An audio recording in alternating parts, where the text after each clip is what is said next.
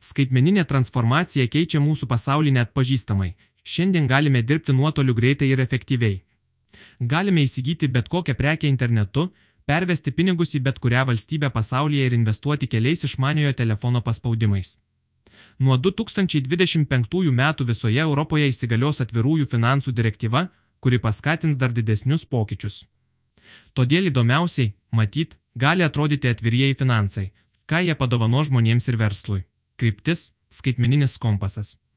Jau šių metų viduryje ES ketina priimti visam žemynui svarbę direktyvą, kuri dar plačiau atvers duris atvirą į bankininkystę ir atviriesiems finansams. Dar 2020 metais ES paskelbė, kad sieks skaitmeninės lyderystės, tam yra numatyta strategija, pavadinta skaitmeniniu kompasu. Šio kompaso esmė - transformuoti visuomenę į skaitmeninę, sudarant galimybės, kad visas viešasias paslaugas, mokėjimus ir duomenys Europos gyventojai galėtų gauti skaitmeniniu būdu. Vis tik, visų pirma, tam reikalingi nepriekaištingi skaitmeniniai įgūdžiai.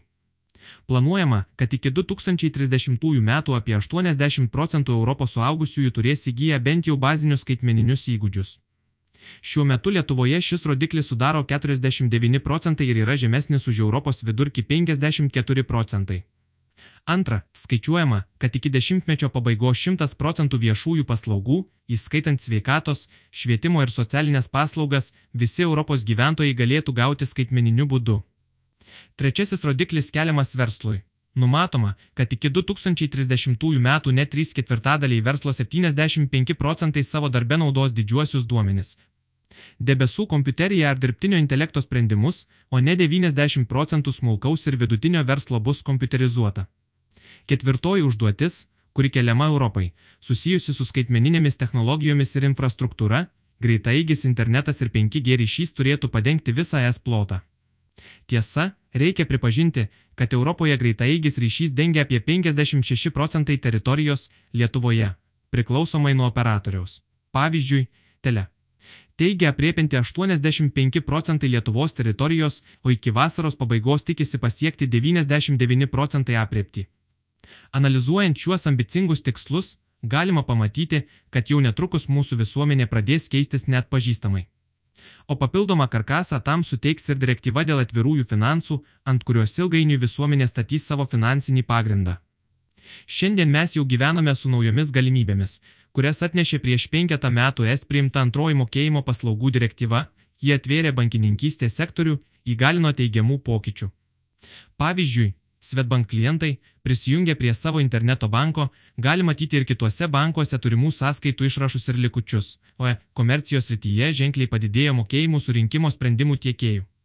Tačiau atvirųjų finansų direktyva paskatins naujo ligmens integracijas ir galimybės, tolesni žingsniai į atviruosius finansus. Jau šiandien numatoma, kad skaitmenizuojant visuomenę, reikės numatyti bendrą duomenų dalymosi strategiją. Atvirieji finansai sudarys galimybę tūkstančiams Europos finansinių paslaugų teikėjų dalintis savo klientų finansiniais duomenimis, žinoma, jiems prieš tai davus sutikimą. Bendrasis duomenų apsaugos reglamentas lieka galioti, tačiau ateityje kiekvienas iš mūsų galėsime suteikti informacinę prieigą tretiesiems rinkos dalyviams prie savo banko sąskaitų, draudimo ar investicinių duomenų.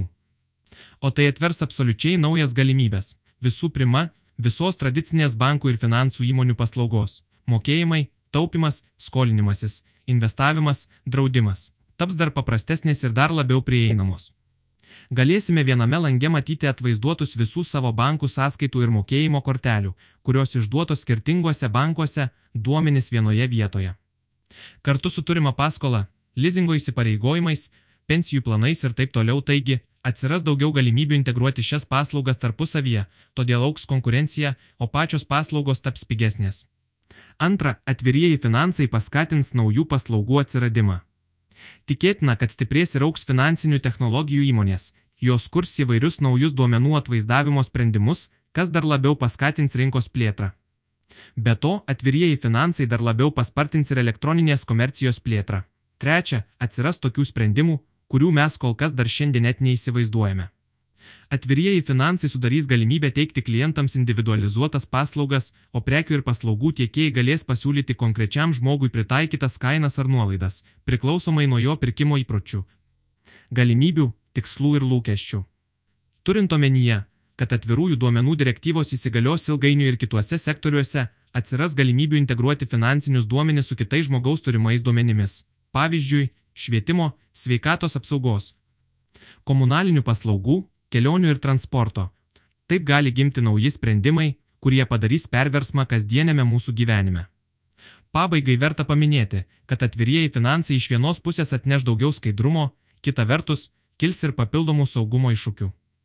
Naujos duomenų mobilumo galimybės padės žmonėms priimti racionaliai pagrįstus finansų sprendimus, tačiau su jomis atsiradusios naujos dimensijos padidins ir skaitmeninių nusikaltimų įvairovę.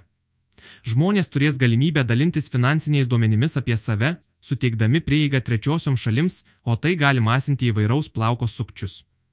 Todėl čia verta grįžti prie skaitmeninio kompaso. Skaitmeninė kompetencija atvirųjų finansų srityje yra būtina, kaip ir finansinio saugumo internete įgūdžiai.